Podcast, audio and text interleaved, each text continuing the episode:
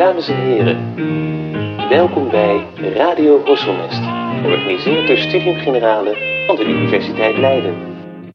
Beste luisteraar, welkom bij een nieuwe aflevering van Radio Horselnest. Ik ben uw gastheer Norman Peters van Studium Generale en vandaag verwelkomen wij Hans Mulder. Hans is historicus en conservator natuurlijke historie van de Artsbibliotheek. In 2019 sloot de bibliotheek haar deuren voor een renovatie. Maar Hans bleef niet op zijn handen zitten en schreef het prachtige boek De Ontdekking van de Natuur, dat in 2020 verscheen bij uitgeverij Terra Lanno. Het boek is bijzonder goed ontvangen en won de Jan Wolkersprijs voor beste natuurboek van 2021. De Pruisische natuurgeleerde Alexander van Humboldt beklaagt zich in een van zijn boeken over de schrijfvaardigheid van zijn collega-wetenschappers. Die zouden enkel taaie en gorddroge lectuur produceren over een onderwerp. Humboldt zag het als zijn taak om het schone en verhevene van de natuur terug te laten komen in zijn wetenschappelijk schrijven. Ook Hans lijkt deze taak ter harte te nemen door een combinatie van mooi geschreven natuurhistorische verhalen, geïllustreerd met wonderschone afbeeldingen uit natuurhistorische werken. In de ontdekking van de natuur laat Hans in twintig verhalen zien hoe deze boeken in de loop van de eeuwen onze kijk op de natuur drastisch hebben veranderd. Daarbij passeren veel illustre namen de revue, die deels ook prijken op de oude gevel van de artsbibliotheek, zoals Gessner, Kierchner, Aldrovandi, Rumphius, Merian en ook de nodige Nederlanders, waaronder Nozeman, Schepens en Van Leeuwenhoek. In deze aflevering ga ik met Hans in gesprek over enkele verhalen en figuren uit zijn boek. We zijn heel blij dat hij bij ons wil aanschrijven. Hans, welkom. Oh, hartstikke bedankt voor de uitnodiging en voor die mooie introductie. Nou, dankjewel. Um, en ik wil graag beginnen met de vraag, want je bent natuurlijk conservator natuurlijke historie in de artsbibliotheek, dus dan moet ik eigenlijk wel vragen naar wat is eigenlijk jouw favoriete collectiestuk uit de bibliotheek? Ja, er zijn er zo uh, enorm veel. De, de, de, bibliotheek staat stampers vol met prachtige boeken. Maar uh, het boek waar ik het meeste plezier aan beleef zelf toch is het um, boek van Jan Velten. Dat heet Wonderen der Natuur. Ik schrijf er ook over in het uh, boek. En eigenlijk is het niet eens meer een boek. Het was een boek. Het was gebonden tot 1996. Daarna uh, is het gerestaureerd en toen bleek het niet meer teruggezet uh, te kunnen worden in een uh, band. Dus het, we hebben het nu allemaal als losse platen. Ja. Die platen zijn allemaal afbeeldingen gemaakt door Jan Velten van dieren en mensen die hij heeft gezien in de menagerie van Blauwjan. En de menagerie van Blauwjan heeft bestaan tussen 1675 en 1784, achter een herberg aan de Kloveniersburgwal in, ja. in Amsterdam. En uh, nou ja, daar werden heel veel levende dieren verzameld, getoond tegen betaling en ook verkocht. En Jan Velten heeft tussen 1695 en 1709 daar geprobeerd om zoveel mogelijk van die dieren te tekenen, te schilderen. Ja, en dat deed hij buitengewoon knullig eigenlijk. Som, ja. Soms werd het, het, na verloop van tijd lijkt het iets beter te worden. je ziet dat het een hele enthousiaste tekenaar is, maar niet bijzonder getalenteerd. Maar dat maakt het des te leuker. Ja, toch? Ja, ja, kan me voorstellen. En um, wat misschien ook wel goed is om te vragen, want ik denk dat de meeste van onze luisteraars, en zeker de, de leidenaars onder de, luisteraars, die uh, zijn niet bekend met de artsbibliotheek. Zou je kort iets kunnen vertellen van, kennen ze misschien wel vanwege het dierenpark, maar wat is eigenlijk de artsbibliotheek? Kan je iets vertellen over die geschiedenis? Um, kan, ik ga het proberen het heel kort te doen. Uh, de, de Artis is opgericht in uh, 1838 en het concept van de oprichters, of het idee daarachter was eigenlijk het binnenbrengen van de hele natuur in de binnenstad. Het is echt al binnen, de, binnen de, de, ring van Amsterdam. Of binnen, niet binnen de ring, binnen de stadsgrachten van Amsterdam. Ja, ligt in de, planta in de plantage. In de plantagebuurt, ja. ja. En um, uh, het idee was drievoudig. De levende natuur in de tuin. Het, het, is niet alleen een dierentuin, het is ook een plantentuin, het is een arboretum. De dode natuur in het museum. Het grote museum, dat wordt over niet al te lange tijd weer heropend. Ja. dat staat ook aan de, op de, in dezelfde straat eigenlijk als waar de toegang van de artisbibliotheek is, de plantage Middelaan.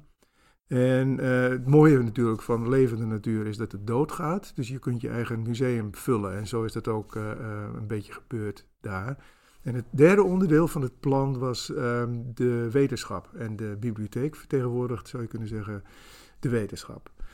En dat gebouw waar de Artesbibliotheek nu in zit, dat dateert van uh, 1868. Uh, of eigenlijk het hele gebouw is gebouwd tussen 1868 en 1872. Um, ik sla nu een heleboel dingen over, maar in 1939 gaat het genootschap, of dreigt het genootschap uh, Natura Artis Magistra, uh, dreigt failliet te gaan. Ja. Dan neemt de stad Amsterdam de schulden over en uh, geeft het hele terrein, inclusief de dieren, weer terug in beheer aan het genootschap, maar houdt de collecties achter.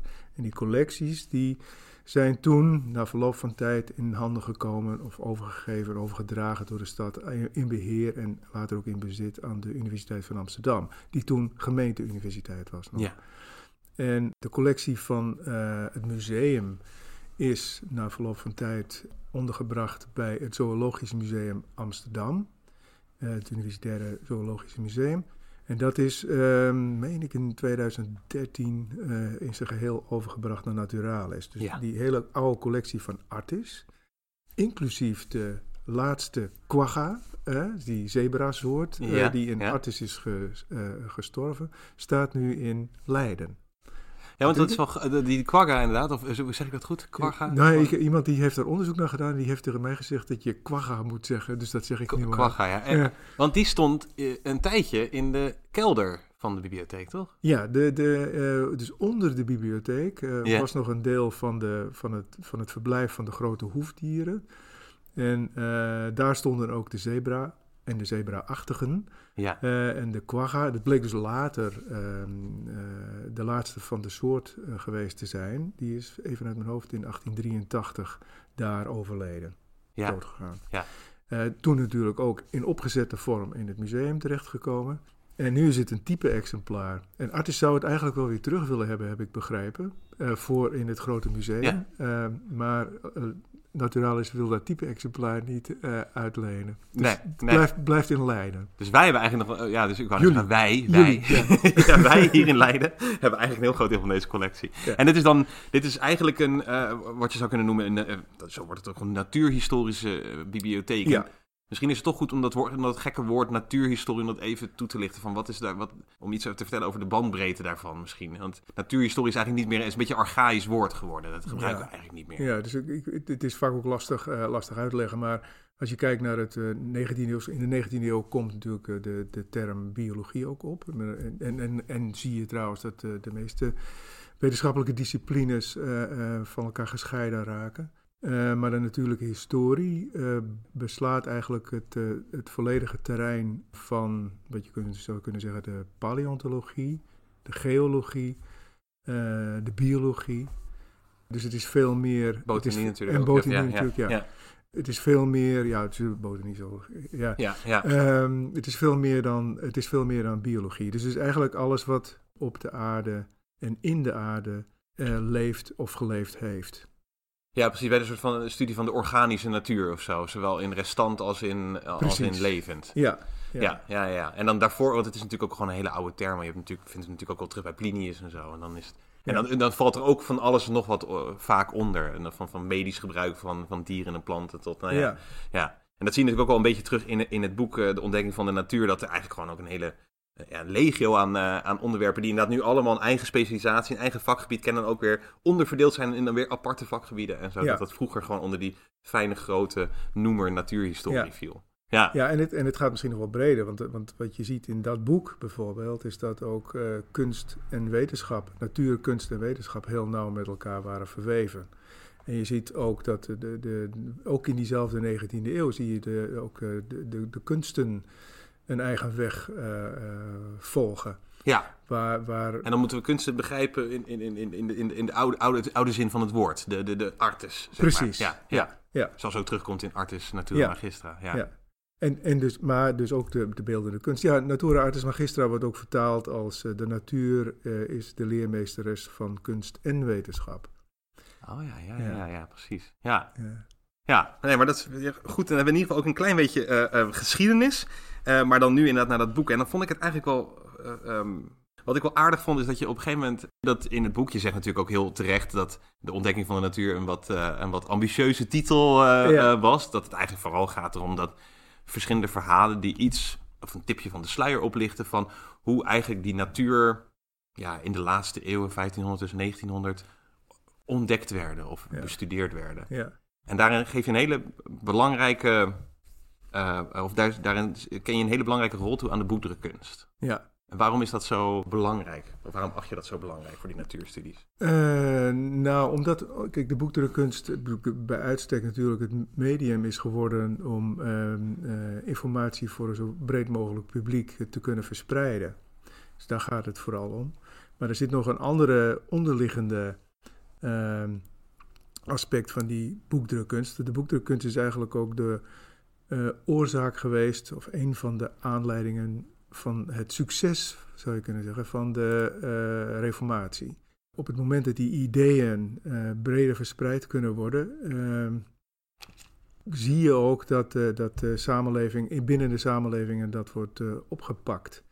En wat je dan meemaakt, is dat mensen uh, worden gestimuleerd, eigenlijk, zoveel mogelijk mensen worden gestimuleerd om uh, God niet alleen te leren kennen door het zelf lezen van de Bijbel, hè, met, en met alle gevolgen van, van dien. Uh, dus niet meer via priesters, maar het zelf onderzoek doen naar het woord van God. Ja. En daarnaast blijkt steeds vaker dat een heel belangrijk, als heel belangrijk aspect van de studie van God wordt ook gezien de studie van Gods werk. Namelijk, Gods werk is de natuur.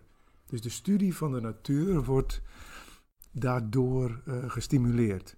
Ja, en, precies. Ja. En, dan, en, niet alleen de studie van uh, de, de, de, grote fenomenen, maar steeds meer ook de studie van het uh, onogelijke.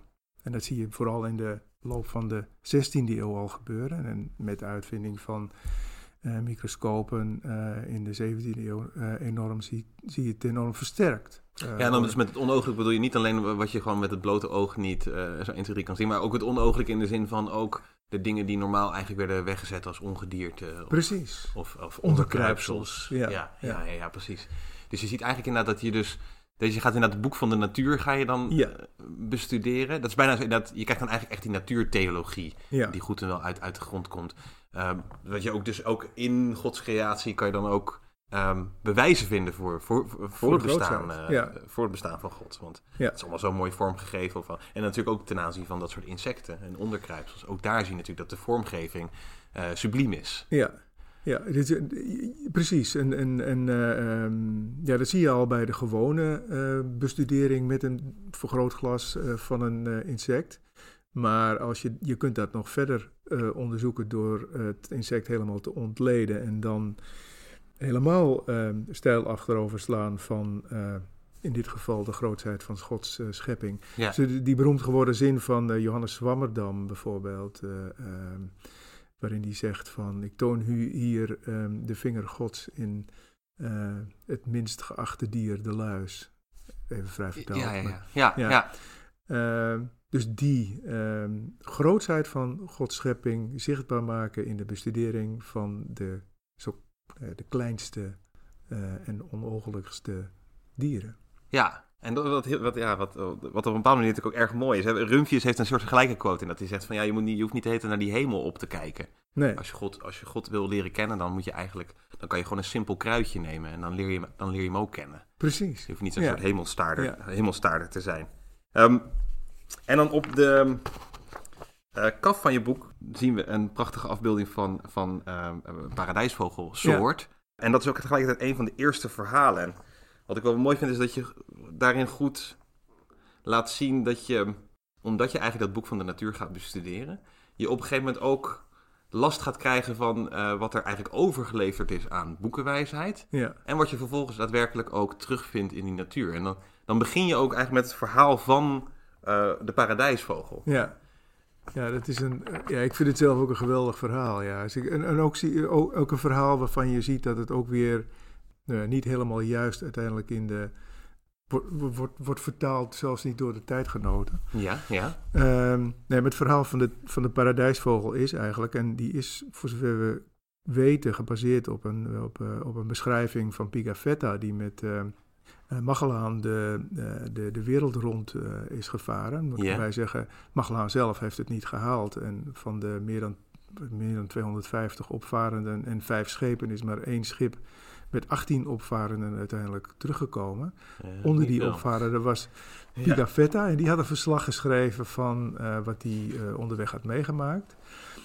En ze hadden ook goederen meegenomen. En er waren twee paradijsvogels bij. Die hadden ze uh, gekregen van een van de vorsten uh, van... Um, ben ik even de precieze naam van het eiland. Badjan.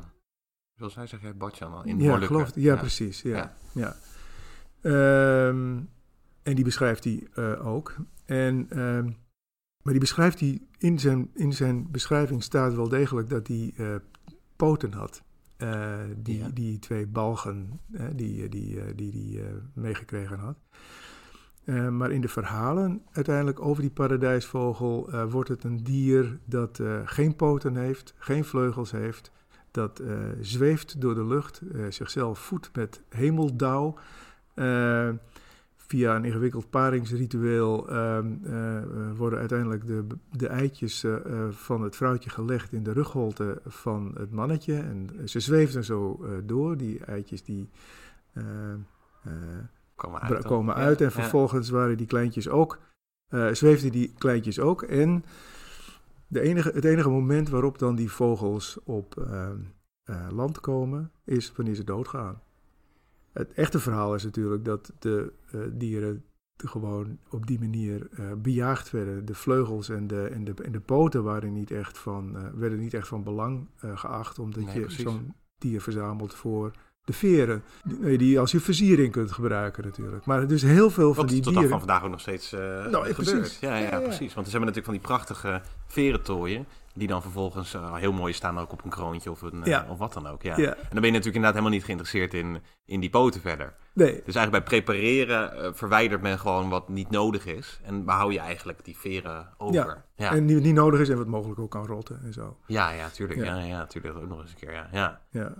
En, en, dit verhaal is door wie dan in de wereld ingeholpen? Want die, eigenlijk had dus die, die, die, die man, uh, Pigafetta, die had het eigenlijk gewoon goed opgeschreven. Ja. Uh, en, en dan vervolgens is het als een soort van, uh, noem je dat, zo'n telefoonspelletje.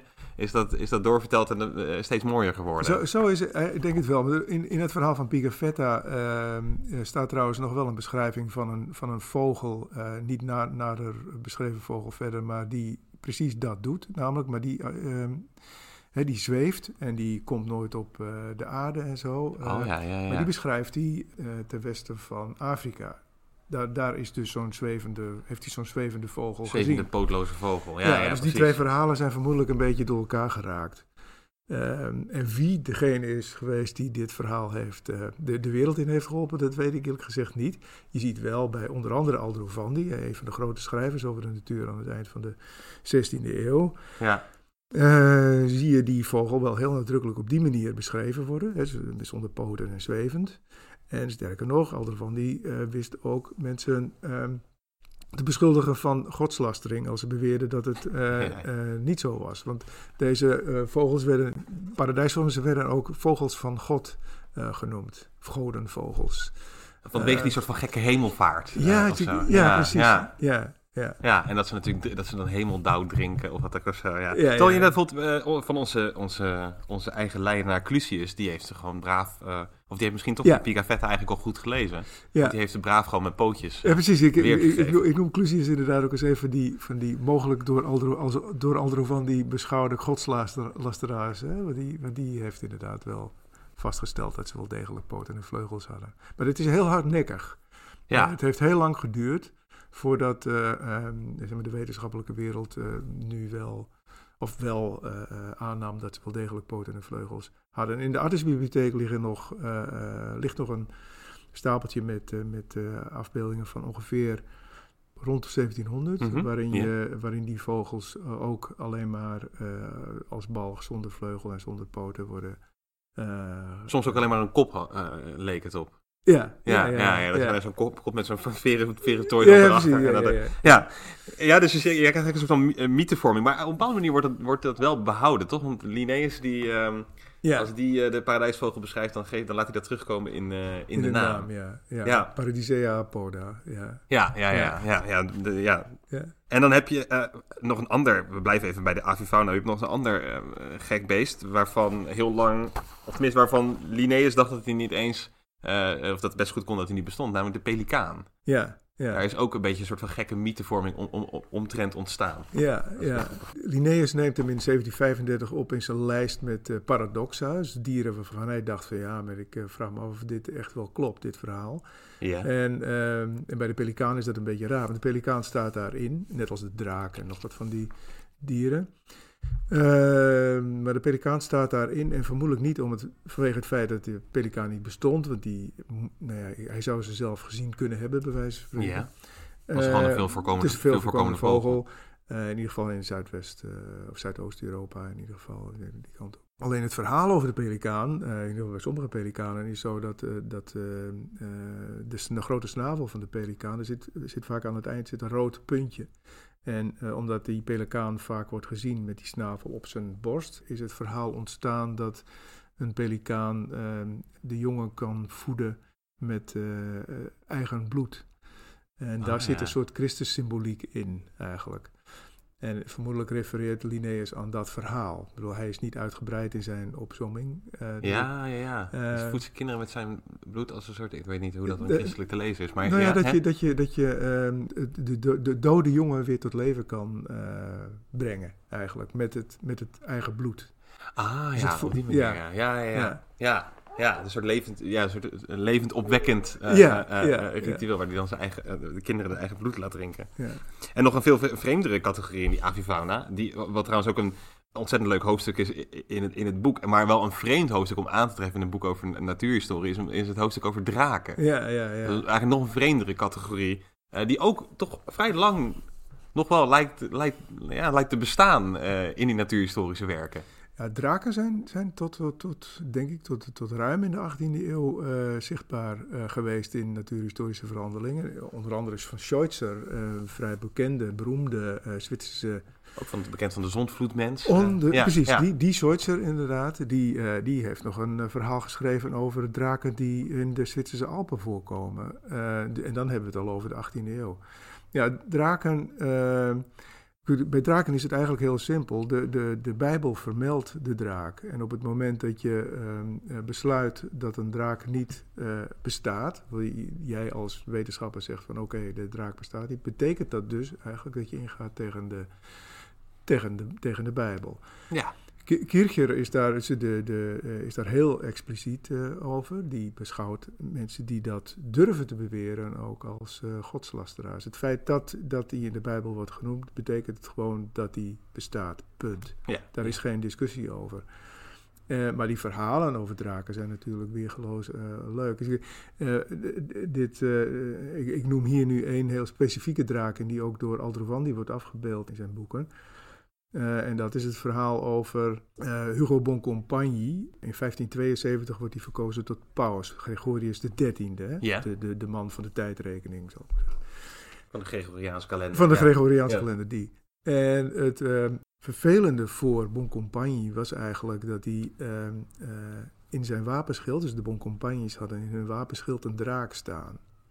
En als die paus wordt, worden de, worden de wapenschilden van ehm, eh, zeg maar de man die paus wordt en het pauselijk schild, Ja. die worden, dat, wordt, dat wordt één wapenschild. En dat betekent dat in Ah, het ja. wapenschild van de paus de draak komt. En in de Bijbel wordt de draak natuurlijk geassocieerd met de antichrist. Dus dit, is, dit was koren op de molen van de eh, protestanten. Die zagen, Na de opstanding van de antichrist. zo zie je wel, Ja, ja, ja. eh, de, de antichrist zetelt in het Vaticaan. Hoe, Ja. hoe, hoe, hoe duidelijk wil je het eh, hebben?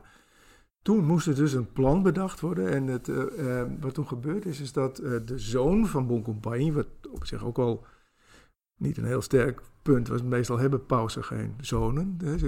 Ja, ja. ja. die had hij net het jaar daarvoor geëcht, dus hij had er niet op gerekend dat hij verkozen werd tot paus, denk ik. Die heet Giacomo, die Giacomo Bon- Boncompagni, die heeft toen geprobeerd om dat drakenverhaal uh, aannemelijk te maken. En het heel toevallig wilde dat precies op de dag, want niemand had ooit een draak gezien ook, hè? Nee, maar precies op uh, de dag dat uh, Boncompagni uh, werd verkozen tot paus, in het land van Bologna, een draak werd gevonden door een boer. Wild ah. gevecht, de boer had hem doodgemaakt. Ja. En die draak die is vervolgens naar Aldrovandi gebracht. De man die toen al flink bezig was met die toen al flink bezig met, uh, was met uh, het onderzoek doen naar de natuur. Ja. Toevallig was Aldro die een neef van Boncompagnie. Dat scheelt weer. Dat scheelt, ja, ja, dat scheelt. En vervolgens werd die draak die gevonden was naar Aldrovandi gebracht. En die heeft het een echte draak gemaakt. En heeft hem ook afgebeeld, heeft hem opgenomen ook. Dus je kon hem daar ook ter plekke zien. En als je die afbeelding, zelfs op die afbeelding, die staat ook in het boek, kun je gewoon zien dat het een slang is waar een andere kop op genaaid is, andere poten aan gezet, of eh, andere poten aan gezet uh, waren. Ja, ja, ja, en er was wat ingestopt, vermoedelijk stro of zoiets, want iets anders moet je er niet in doen, want dan gaat het stinken. Ja. Uh, dus het, het, had het aanzien, het voorkomen van een slang, maar wel een aardige, goedaardige draak bedoel ik. En wel een aardige, goedaardige draak. En het, dus de boodschap daarachter was van... Kijk, er zijn gewoon draken. En er zijn hele aardige draken. Het zijn gewoon dieren. Want oud op groentes of zo, toch? Of, wat, wat, of nee, dat is trouwens dat is misschien bij Aristoteles is dat, uh, werd dat gezegd. Dat hij ook, dat hij gewoon ook... Uh, ja, god, ik weet niet meer. Wat, dat schrijf je volgens mij in het boek namelijk. Dat, ja, ja, ja dat, dat, die, dat die andijviesap drinkt. Ja, and, ja andijviesap drinkt. Ja, ja. Ja, ja, dat was het, ja. Dat is ook een hele gekke. Ja, dat schrijft Aristoteles inderdaad. Maar in de, in, de, in de oudheid is de draak eigenlijk nog niet... en dat zie je in China bijvoorbeeld ook... Uh, is de draak niet een, een uh, slecht dier. Geen kwaadaardig dier. Geen kwaadaardig dier. Nee kwaadaardig wordt de draak eigenlijk pas via de Bijbel. Ja, precies. En dus, maar nu moest hij eigenlijk, of kon, kon hij eigenlijk via een soort samenwerking met die van, die kon hij eigenlijk op toch een manier, uh, kon hij toch laten zien dat, het, dat, het, dat ze goed aardig waren. Ja, ja. ja. En dat heb ik ook best wel vaak, dat je nog wat drakenstenen en zo uh, een tijd lang hebt. Volgens mij hebben ze zelfs hier in het Boerhaven hebben ze ook nog een, ook nog een drakensteen. Die is dan heel mooi, van dat filigrijn goud en zo is dat dan uh, opgezet. Ja, ja, ja, En is dat natuurlijk allemaal van die curiositeiten uh, uh, kabinetten. Ja. Rumpjes heeft het op een gegeven moment ook nog over. Ja, een basilisk heeft hij het dan over. Maar wat ook een soort van drakenachtig Ja, dus, daar, schrijft, daar schrijft Kircher nog over. Dat is ook zo'n grappig verhaal. Uh, Kircher schrijft dat een basilisk het resultaat is... die komt uit een ei van een kip... Die, en die kip die had gegeten van het ei van een slang. Dus een kip die eet van het ei van een slang. En het, en het, dier dat dan uit het ei van de kip komt, is een basilisk. Ja, ja, precies. Ja. Ja, zo gaat dat. Ja. ja, ja. een heel knap, heel knap staaltje. Uh, ja. Ja, hier geeft wel meer van dat soort uh, rare... Uh, briljante man. Je hebt ook prachtige botanieverhalen waarin die dan... je, hebt je hebt orchideeën een Ovries-orchidee die in Zuid-Europa veel voorkomt, verschillende soorten. En die hebben altijd een beetje, we hebben bijvoorbeeld de bijenorchis hier ook in Nederland. Die, dat lijkt ook net een beetje op een, op een bij. Ja. Um, en je hebt ook die erop vliegen lijken enzovoort en zo verder. En dan heeft die Kierger het idee dat um, als dan bijvoorbeeld een stier een zaadlozing heeft in de wei. En dat, en dat vindt niet zijn weg naar een, naar een koe. Dan, en dat landt op de grond. Dan komt daar dan die orchidee Geweldig, uit. toch? Ja. En die lijkt dan weer op een bij. En dat, nou ja, dat zou dan weer te maken hebben met, die, met vervolgens ook weer die stier. Nou, dat is allemaal... ja, dat zijn mooie, dat zijn mooie verhalen. Ja, Kierkegaard, die, die, die uh, beschrijft in het hoofdstuk over fossielen vooral. Maar, maar het is een geniale man. Ja, ja. Uh, heeft zo ongelooflijk veel geschreven. En werd, en dat is denk ik wel goed om te begrijpen, want dat is denk ik, want we moeten wel, denk ik, ook snappen waarom uh, mensen dachten en vonden uh, wat ze dachten en vonden in die tijd. Hè? Ja. Je, moet, je moet altijd proberen te kijken van, van wat, wat kon iemand op dat moment uh, kennen. Kircher werd in, in, in, in, we kunnen nu vaststellen dat hij er in bijna alle in bijna al zijn ideeën een beetje naast zat. Maar in die tijd werd hij als een buitengewoon serieus en kundig uh, wetenschapper beschouwd. En hetzelfde geldt natuurlijk ook voor die Aldrovandi, een groot, groot, groot wetenschapper. Ja, ja. Het is denk ik ook lastig, en je schrijft dat natuurlijk ook op, dat wij, wij leven in, in, in een tijd van eigenlijk na de de komst van de grote natuurwetenschappelijke methode, die, die empirie gedreven is, experiment gedreven is, die gaat om observaties en nieuwsgierigheid ook naar het doen van nieuwe observaties en controle-experimenten, ga, ga zo maar door. En dat je nog in die tijd heel erg sterk gewoon de boekenwijsheid hebt en, en de autoriteits, het autoriteitsgeloof in als de Bijbel het opschrijft, of als Aristoteles het opschrijft, of Plato, of, of, of, of. Plinius, dat, je, dat je daar een vast geloof in stelt. Eh, en dat het, dat het ook niet iets is wat je zomaar 1, 2, 3 bevraagt, of zomaar aan, aan, aan gaat twijfelen. Nee, dus het is inderdaad heel goed om, we moeten natuurlijk ook niet al te lacherig doen over, oh kijk, al die gekke natuurgeleerden, Ja. wat hebben die gerookt? Eh, eh, Ja, ja, ja. Maar, maar probeer inderdaad te begrijpen dat vanuit, vanuit de tijd, dat dat, dat, dat niet te min... ehm, ja, dat er ook wel een zekere aannemelijkheid misschien ook wel aan zat. Ik kan me ook Zeker. voorstellen dat... Want inderdaad, je beschrijft dan inderdaad van die, ehm die Schweitzer, die gaat op een gegeven moment volgens mij ook in de, in de, in de Alpen op zoek en zo naar draken en zo. Ja. En dat was natuurlijk ook gewoon gevaarlijke tochten. Dus kan je helemaal niet zo heel, het is helemaal niet zo heel erg gek om voor te stellen dat daar misschien iets raars leeft of wat ook of zo. Ja, ja. Ja. Ja, en dat geldt natuurlijk even goed ook voor die, voor, voor die paradijsvogels. Maar daarna zeg je wel inderdaad van ja, die waarneming wint het eigenlijk wel altijd van die mythevorming. Uiteindelijk wel. Je, je ziet eh, dat die, die, die boekenwijsheid vooral in de 16e eeuw ehm, eh, geldt. Hè. Dus je, geldt. je ziet het zeker bij Gessner, ook bij Alderovandi. Ook al deed Alderovandi zelf ook nog wel wat eh, onderzoek. Ja, Ehm, maar in de 17e eeuw begint het, eh, na, na Bacon natuurlijk, begint het empirisch onderzoek vaste voet te krijgen. En dan nog is het gewoon buitengewoon lastig om ehm, eh, naar fenomenen te kijken, iets waar te nemen eh, met, een, met een totaal open vizier. ja, Eh, je blijft ergens naar kijken, gevoed door de kennis die je hebt. Je ziet, ik vind het zelf dus ja ook nee, wel... zeker, zeker. Kijk, je hebt een soort, ja, wat, wat je dan op een gegeven moment ook in de filosofie theoriegeladenheid van de waarneming noemt. Dus je, Ja, ja. je, je blik is al op een bepaalde manier gericht door datgene wat je, wat je, wat je meekrijgt. Ja, Ja. ja. nou, ik, vind, ik vind het zelf bijvoorbeeld ook opmerkelijk dat, eh, dat eh, mensen die toonaangevende studies hebben gedaan eh, in de natuurlijke historie aan het eind van de 17e eeuw, zoals eh, Antonie van Leeuwenhoek en Maria Sibylle Merian bijvoorbeeld, allebei me- mensen waren die niet een academische scholing hebben gehad. Eh, en die dus eigenlijk met een, met een, met een open blik gewoon waarnamen. En opschreven wat ze waarnamen. Bij, bij, bij, bij, Van Leeuwenhoek is dat nog eh, eh, misschien wat extremer in de zin van dat hij ook nauwelijks eh, conclusies verbond aan dat wat hij zag. Maar hij schreef het gewoon op. En hij, maar zijn onderzoek was buitengewoon, eh, en dus niet theoretisch geladen, maar buitengewoon methodisch van, van aard. Ja. En, dat, dat- en, en ja, ik wil nu niet zeggen dat je een pleidooi moet houden voor nu ook, dat je mensen moet, niet moet opleiden. En natuurlijk moet dat wel, maar ik denk Mhm. wel dat in die zin, vind ik nog steeds, dat je daarvan kan leren door ehm, ervoor te zorgen dat als je onderzoek doet, dat je je, je je blik zo open mogelijk houdt en dat je vooral probeert om iets waar te nemen vanuit verschillende perspectieven, bijvoorbeeld. Ja. En ik, ik, zie, ik zie dat bij een. Eh, nou, ik wil niet zeggen dat het nu helemaal niet meer gebeurt. Het gebeurt nog steeds natuurlijk wel heel veel. Tuurlijk, gelukkig zeker. maar. Maar het zou wat mij betreft wat meer regel moeten zijn. Dat je de verschillende perspectieven eh, beschouwt. En dat je je niet al te vastbijt in de, in de methode of de methodologie die je voor jouw eh, ehm, eh, specifieke vak hebt geleerd. Want dat is wel, vind ik, iets dat je kunt leren van het bestuderen van, van dit soort onderzoekers. En bijvoorbeeld ook, ehm, wat mij ook opviel, is dat, dat vrijwel alle grote onderzoekers die hierin eh, genoemd worden, er is bijna niet één die een opleiding had in eh, het vakgebied waar ze uiteindelijk eh, belangrijk in zijn geworden. Ja, heel opmerkelijk. ja. Dat geldt voor, voor Lyell bijvoorbeeld, de geoloog. Mhm. Het geldt voor James Hutton bijvoorbeeld, het die in Leiden heeft gestudeerd overigens. Ja. En het Ja. geldt voor eh, Charles Grote- de Darwin. grote Schotse geoloog. Ja, ja, Ja. twee grote Schotse geologen. Maar alle, allemaal hebben ze andere opleidingen gehad dan waar ze uiteindelijk eh, groter geworden zijn. Ehm, Ja. eh, En daarom vond ik ook wel leuk, want het is- goed eigenlijk dat we hierop terugkomen. Want het was eigenlijk een vraag die, die, ik, die ik nog had ten aanzien van die natuurhistorie. Want je hebt dan eigenlijk die grote noemer waar dus een hele hoop onder valt. En je beschrijft ook van, ja, eigenlijk zie je vervolgens eigenlijk een soort van drang tot steeds verdergaande specialisering. Ja, En dat, dat die verder, steeds verdergaande specialisering op een bepaalde manier ook heel begrijpelijk is. En ook heel veel oplevert.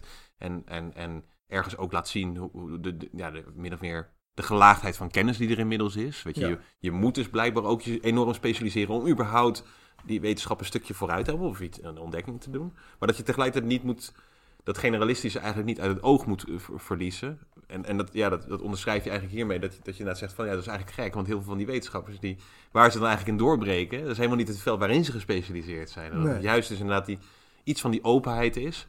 eh, ehm, die nog wel eens verloren dreigt te gaan als je dus zo'n enorm vergaande specialisering krijgt. Ja, en, en inderdaad, eh, want dat, wat, dat, dat hoort er dan denk ik automatisch bij, de, de breedheid van het blikveld.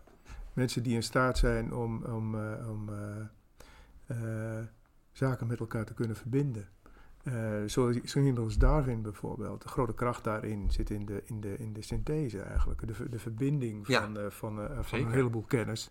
En dan ben je denk ik eerder in staat om eh, nou ja, je- of je perspectief te verschuiven of opeens tot een ontdekking te komen van hé, maar als ik dit nu allemaal in beschouwing neem, dan zou dit wel eens de weg kunnen zijn die we op moeten. Ja, Dus het, het, Ja, het, het, eh, zeker. ja, dus, dus, dus zoveel mo zo, zo breed mogelijke kennis kan helpen, denk Ja. ik. Ja, en eh, inderdaad ook ergens zie je dat, dat, misschien, dat je daarmee misschien ook wat, wat makkelijker min of meer de dogmatiek van je tijd kan o- ontwijken. Want ergens maakt hij al een heel mooi bruggetje naar, naar, eh, ehm, naar Van Leeuwenhoek en, en, en Merian. Eh, en we hadden dat ook eh, al eerder inderdaad over dat jij zei, die, op een gegeven moment gaan die onderkruipsels, ook die insecten, gaan bijvoorbeeld bij een zwammerdam of zo, worden op een gegeven moment ehm, object van studie. Ja. Waar men steeds meer naar gaat kijken, die men gaat ontleden en zo. En, en men gaat eigenlijk steeds meer ook naar het, nou ja, op een microscopische schaal ontdekkingen doen. En ehm, ja, wat, ik, wat me opviel inderdaad is, want dat begin je eigenlijk nog eh, eigenlijk voor het hoofdstuk van Anthony van Leeuwenhoek zit een heel aardig hoofdstuk waarin je eigenlijk laat zien hoe dat idee van spontane generatie eh, ja, heel lang blijft bestaan. Maar we moeten misschien eerst even uitleggen, wat is dat abiogenese of spontane generatie? Ja, dus in feite is spontane generatie is, is leven eh, ontstaan uit niet-leven. En ehm, eh, even, even grofweg zou je kunnen zeggen dat, ehm, en dat komt bij Aristoteles vandaan, eh, gooi ergens vuil neer, wacht een tijdje en er ontstaan insecten. Er komen insecten uit. Ja, En dat is natuurlijk ook zo. Ehm, alleen ehm, de, de, de, de stap dat uiteindelijk blijkt dat ook al die insecten uit eitjes komen, eh, werd niet gezien. Stimpelberg, omdat die eitjes gewoon te klein waren. Voor de studie en voor de, voor de, voor de instrumenten die je toen dat had. En het was dus zelfsprekend, zeker. Ik bedoel, eh, la- laat, je- laat je, je, eh, je fruitafval maar even staan en je ziet er behoorlijk wat insecten uit, eh, uit voorkomen, voortkomen. Ja, en, en, en, de, en dat vind ik zelf wel een heel intrigerend fenomeen.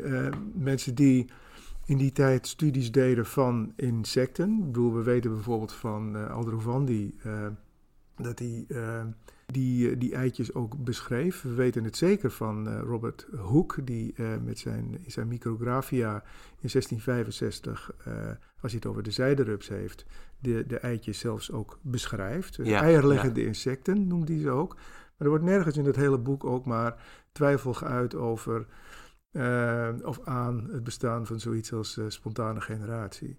En het is drie jaar later dat, dat eh, Francisco Redi eh, voor het eerst vaststelt door zijn proef met twee vleespotten, waarin hij de ene echt afdekt en de andere helemaal Ja. niet. Ja. Dat je ziet dat alleen in de onafgedekte eh, vleespot ook daadwerkelijk insecten ontstaan. En die toont dat in, 18, of in 1668 aan. En natuurlijk Johannes Swammerdam in zijn jaar later gepubliceerde Historia Insectorum. Die is er heel eh, nadrukkelijk in. En die zegt ook van ja, maar het idee alleen al dat eh, God de wereld niet eh, volmaakt geschapen zou hebben. Met andere woorden, Ja. eh, dat er dus leven kan ontstaan zonder dat God daar zich Goddelijke mee interventie als Goddelijke. Ja. interventie. Ja. eh, is krankzinnig. Dus natuurlijk komen ook insecten uit eitjes. Ja. En, en Maria Sibylle Merian bijvoorbeeld, die eh, omarmt dat ook en die beschrijft dat ook. Eh, die moet natuurlijk wel ook dan...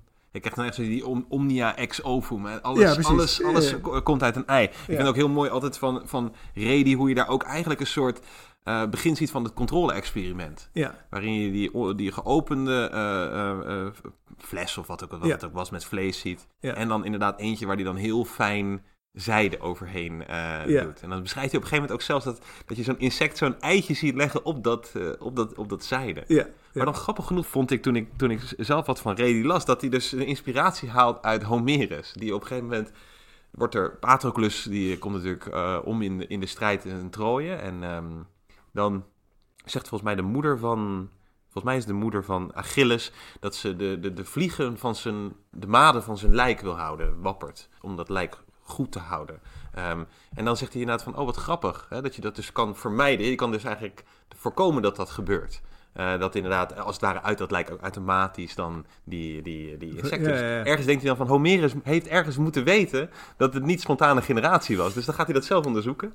En, dan, uh, en dan ziet hij dus inderdaad van nee, het is wel degelijk zo dat eigenlijk uit, uit dat vlees komt niet automatisch komen er insecten. Er worden inderdaad eitjes gelegd. En daaruit komt, uh, komt dan een hele mikmak. Ja, ja maar, maar, aan de andere kant denk ik dat wij dit achteraf gezien ook dit verhaal misschien iets zwaarder maken dan het in die tijd werd uh, beleefd. Want um, uh, bijvoorbeeld, en dat, dat vroeg ik me op een gegeven moment ook af, van de, de, de, de kwekers van zijderupsen bijvoorbeeld moeten al lang geweten hebben dat, die, dat ze wel degelijk uit eitjes komen. En ja. zijde wordt al heel lang op die manier um, gemaakt. Hè? Dus die, die, um, uh, die kwekers daarvan die moeten dat geweten hebben. En dat geldt ook voor voor imkers bijvoorbeeld. Ik, bedoel, ik kan me niet voorstellen dat je ervan uitgaat dat, uh, dat de bijen die jij beheert, de volken die jij beheert, komen uit uh, uh, vuil. Nee, nee, nee, ja, tenminste, daar, ja, daar is natuurlijk... Je hebt natuurlijk het verhaal van Samson uit de Bijbel, waarin hij op een gegeven moment langs dat leeuw, hij, hij verslaat aan een leeuw en dan, volgens mij een tijd later, loopt hij er langs en zit dan zo'n bijenvolk in. En de, daar lijkt een oh, ja. beetje dat idee van spontane generatie ook uh, oh, ja, ja, op geld te doen. Ja. Ja, ik denk dat het op een bepaalde manier die soort van gekke, vanzelfsprekende waarneming is inderdaad. Van als je ergens fruit laat staan of wat dan ook, dan komen er gewoon insecten. Dus het is op een bepaalde manier ook gewoon, waarom je eraan twijfelen? Ja. En ik, ja, ik heb ook altijd inderdaad het idee dat het soort van, dat die kennis eigenlijk in de praktijk misschien al wel veel langer bekend is, maar dat het gewoon heel lang niet op, op boek is gesteld of zo. Ja, Want met planten zie je hetzelfde. Heel veel planten bij Aristoteles komen ook uh, niet uit een zaadje voort. Nee. Terwijl als je toch bijvoorbeeld planten houdt of een boer, je, bent toch al, je hebt al heel lang boeren, dat, die moeten dat toch weten dat je kan, je kan niet gewoon geen zaaigoed uitstrooien en dan krijg je geen graan. Nee. Dat weet je in ieder geval zeker. Uh, ja. Dus ja, waarom dat dan zo lang en dan ook nog eens een keer in de 19e eeuw eigenlijk nog eigenlijk voortzetten en zo. Dat mensen dus heel ja, hele dikke brieven en boeken moeten volschrijven. Van nee, eigenlijk al die planten komen wel degelijk uit een zaadje. Of al die insecten ja. komen wel degelijk uit een, ja. uit een eitje ja. gekropen. Ja, en het krijgt natuurlijk nieuw leven in de 19e eeuw als uh, uh, de discussie plaatsvindt over hoe bacteriën zich gaan uh, verspreiden. Want ook daar was het idee van spontane generatie weer levend. En ik heb ook het idee, denk je niet dat bijvoorbeeld zo'n Van Leeuwenhoek daar op een bepaalde manier aan bijdraagt? Want op een bepaalde manier laat Van Leeuwenhoek met zijn studies eigenlijk juist heel vaak zien. Hij zegt het volgens mij op een gegeven moment ook een keer met zoveel woorden van die hele leer van spontane generatie, die kan je uit het raam gooien, want daar, dat, dat, dat helpt je niet. Als je goed gaat kijken is het eigenlijk altijd zo dat er een, uh, dat er een eitje aan, aan ja. vooraf gaat. Maar tegelijkertijd opent hij met zijn kleine enkelvoudige microscoop, opent hij een hele wereld aan nieuwe mogelijkheden voor spontane generatie. Precies, ja. Ja. En, dat, en, dat, heeft inderdaad tot, in, tot, tot ruim in de 19e eeuw geduurd voordat ook uh, dat uh, uh, bewezen werd als onjuist. Ja, ja door meneer Pasteur ja. natuurlijk, met, met heel veel moeite. En ik vind het heel leuk in jouw hoofdstuk van, dat moeten we eigenlijk wel even aan van, van, van Leeuwenhoek, dan begin je met zijn onderzoek naar tandplak. Ja, ja, ja, ja. En daar moet je eigenlijk even, even iets meer over vertellen. Oh ja, dus, ja dit is, een, dat is een, de, de 39ste brief van hem aan de Royal Society. Overigens is Van Leeuwenhoek, uh, voor zover ik weet, uh, nog steeds degene met de meeste artikelen. Sterauteur, toch? Ja, sterauteur ja. in de filosofie. Voor mij schrijft ook 121 brieven aan, aan de Royal Society geval, of zo. Ja, ja, ja, ja. Meer dan 100 Publicaties. Uh, ja. ja. En uh, de, de 39ste brief, die dus ook gepubliceerd is. Hij schreef ook alles in het Nederlands, hè, dus voor ons ook heel aardig te lezen. Uh, begint hij met te vertellen hoe schoon hij wel niet is op zijn gebit. En um, uh, hij legt uit hoe hij dat dan schoonmaakt, zijn gebit. En um, vervolgens zegt hij, uh, zie ik toch nog uh, witte materie. En hij beschrijft dan die witte materie. En zoals bij alles van, van Leeuwenhoek wat er in en om hem gebeurt, onderzoekt hij. Op zoek, op jacht eigenlijk naar kleine dierkens, zoals hij die, noemt. En um, wat hij dan doet, hij beschrijft dus heel met, met, volgens een hele duidelijke methode hoe die, dat dan, hoe die dat dan doet. Maar dan schraapt hij iets van die witte materie af, doet er wat speeksel bij en stelt vast dat er vijf verschillende kleine dierkens uh, in leven. En die beschrijft hij ook en die maakt die tekeningetjes bij. Of althans, die laat hij maken, die tekeningetjes.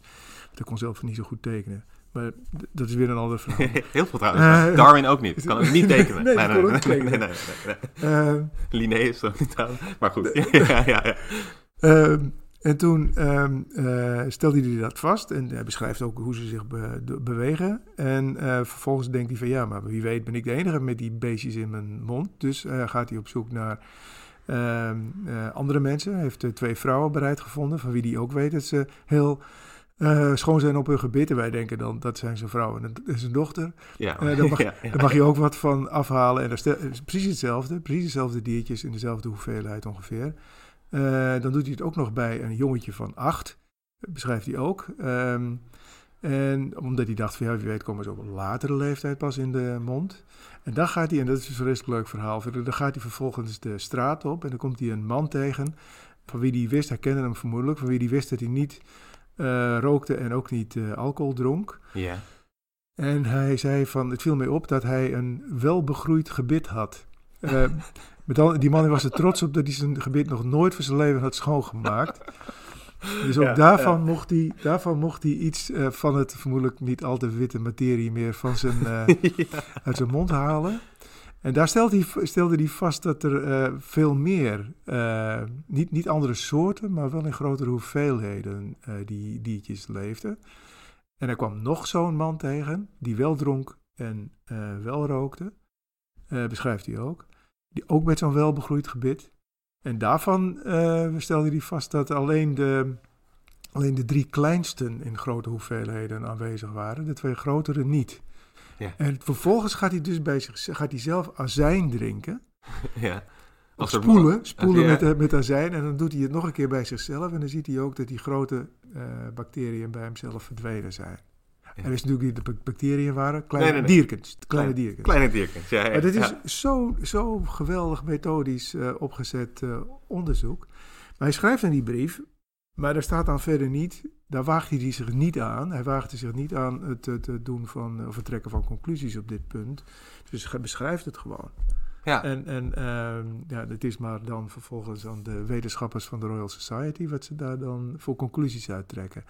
Probleem Want hoe was- komt hij daar dan eigenlijk? Want het is dus gewoon, het is, het, is een, het is een Delftenaar, hij heeft wat geld. Maar hoe komt hij, hoe komt hij in hemelsnaam eigenlijk ook in contact met die Royal Society dan? eh? Ja, hij komt in de, via Reinier de Graaf. Ah, ja, ja, ja. Die, die overigens op jonge leeftijd is overleden. Die heeft hem geïntroduceerd bij eh, de Royal Society. Overigens in 1673, dat is het moment waarop Nederland met eh, Engeland in oorlog is. Of een, van de oorlogen, is op zich ook wel weer een opmerkelijk moment. Maar goed, Ehm Reinier de Graaf, eh, dit is een, een, een eh, theorie die ik van Erik Joring een keer hoorde, zou wel eens een keer eh, ook van Leeuwenhoek hebben kunnen introduceren. Een van de redenen daarvan bij eh, de Royal Society, omdat Reinier de Graaf op dat moment met Johannes Swammerdam in conflict was. Ja, Gewoon dacht van ik introduceer deze man daar, om, gewoon om, om Swammerdam een beetje te pesten. een beetje hak te zetten Ja. aan, die, aan, die, aan die Zwammerdam. Ja, Ja. ja. ja. Zou, precies. zou, zou ook zomaar kunnen. Maar de graaf is niet al te lang daarna overleden, volgens mij. Ja, heel, Heel, heel, heel, jong, jong, heel jong overleden. En, He- en, en een van die brieven van, van Leeuwenhoek eh, is niet in het Nederlands. Nee, ja, Dat is ook ja, altijd goed om te vermelden. Het is in ja, dat is- Latijn geschreven. Er is er één in het Latijn geschreven. Die, dat heeft hij vermoedelijk niet zelf gedaan. ehm, omdat we geen... We menen te weten dat hij de Latijnse taal niet heel goed beheerste. Maar die is in het, in het Latijn geschreven omdat het daar ging over eh, zijn eigen eh, sperma. En ehm, dat beschrijft hij ook... Dat is inmiddels natuurlijk wel vertaald, zodat wij eh, gewone mensen inmiddels die tekst Ja, ook ja, kunnen ja. lezen. Maar dat was van, voor hem natuurlijk niet de bedoeling. Het was een tekst die duidelijk bedoeld was voor wetenschappers en niet voor het volk. Want daarin beschrijft hij eh, hoe hij aan zijn menselijk eh, eh, zaad komt. Hij ehm, beschrijft dat hij zich eh, bij zijn vrouw legt. Want ja, je kunt natuurlijk niet, eh, masturbatie kan niet. Dus ik, eh, hij legt zich bij zijn vrouw.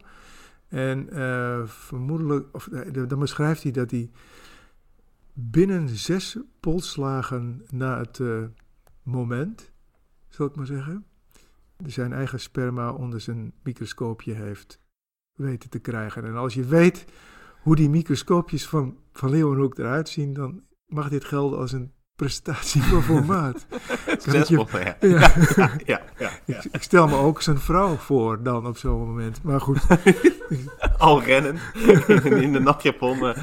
Ja, ja, ja, ja, ja, want het zijn inderdaad hele kleine. Ja, het zijn eigenlijk een soort van plaatjes ja, het met een soort schroefje, er, Ja. een schroefje eraan.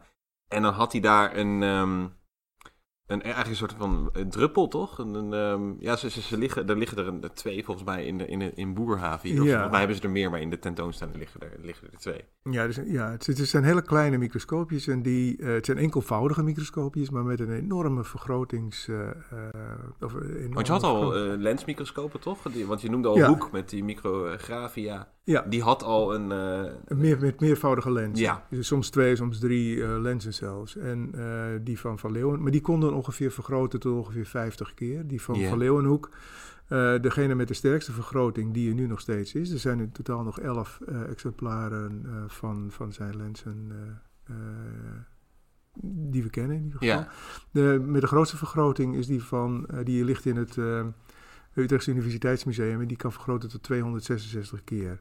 Maar het vermoeden is dat hij heeft kunnen vergroten tot ongeveer wel 400 keer. Dat sommige van die lenzen zo. Want wat hij deed is dat ze, het waren druppeltjes glas eigenlijk, eh, die door eh, hem zelf werden bijgeslepen tot een, tot een lensje waar je echt enorm eh, vergroting mee kon krijgen. En daarom was hij ook als enige in staat op dat moment om die bacteriën te zien. Want met die andere, Ja. met die, met die andere lenzen kon je dat niet zien. Ja, precies. Dus daarmee opent hij eigenlijk inderdaad een wereld die eigenlijk voor iedereen... eh, tot Onzichtbaar toe blijft. Onzichtbaar blijft, Ja, ja. ja. en in de Royal Society hadden ze wel ook van hem een flink aantal van dat soort lensjes eh, liggen, zodat ze die... eh, eh, controle-experimenten ja, konden doen, Ja, ja. ja. En ook dat lukte niet altijd even goed, want het is een flinke kunst om, om dat microscoopje zo te gebruiken dat je het goed ziet. Ze zijn trouwens voor alle liefhebbers eh, eh, nog te koop, want Boerhaven eh, heeft eh, eh, eh, nou ja, moderne kopieën gemaakt, eh, met wel een, een, een eh, industrieel geslepen lensje, geloof ik. ja, precies. Eh, en, maar dat kan tot 80 keer vergroten. Eh, Maar het is wel heel leuk om dat, soort experimenten zelf te kunnen doen. En er staat op YouTube ook een heel leuk filmpje gemaakt door Leslie Robertson. Die eh, werkte bij ehm, de Universiteit van Delft. En die heeft zijn werk eh gereproduceerd met cameraopstellingen en zo. En dat, ik geloof, eh, wat van Leeuwenhoek Saw of zoiets heet dat. Als je, dat kun je vinden op eh, YouTube. Ja, want die dat- preparatie moet enorm, ja, het, Ja, je- want je kunt- moeilijk zijn geweest. Het Ja, is dat net moet. een soort van stipje of zo achter die lens waar je dan het Ja. erop moet. Dus ja, Ja, en, en, en dan heb je nog met, met, met, met vaste voorwerpen is het geen probleem. Maar met, met, met de vloeistoffen is het best wel lastig. Eh, ja, En, ja, ja. En dan, om dan ook nog eens een keer, maar dus hij heeft die, toen die Britus in het Latijn geschreven, omdat hij daaruit dus Ja. zijn eigen sperma eh, ja. had bekeken. Had en het is bekeken, natuurlijk niet ja, de en- bedoeling dat, dat gewoon het gewone gepeupel daar zomaar kennis van had dat hij dat had gedaan. In ieder geval niet van de manier waarop hij dat had gedaan. Dat hoeft ook niet iedereen te weten. En nu weten we het allemaal. ja. Ja, ja prachtig is dat. Ja. En je noemt ook al, eh, of je noemde ook al eerder, toch ook iemand waar we echt, echt bij moeten stilstaan: eh, Maria Sabila Merian. Eh, ja. Wie, wie, was zij en, en wat, wat, bestudeerde zij? Merian is geboren in 16 47 is de dochter, was de dochter van Matthäus Merian. En Matthäus Merian was een beroemd uitgever, graveur, etser in uh, Frankfurt. En ehm, die overleed al toen zij nog maar drie was. En toen is haar, vader, of haar moeder eh, ehm, opnieuw eh, getrouwd met een Duitse kunstschilder, opgeleid in Utrecht trouwens, Jacob Marel.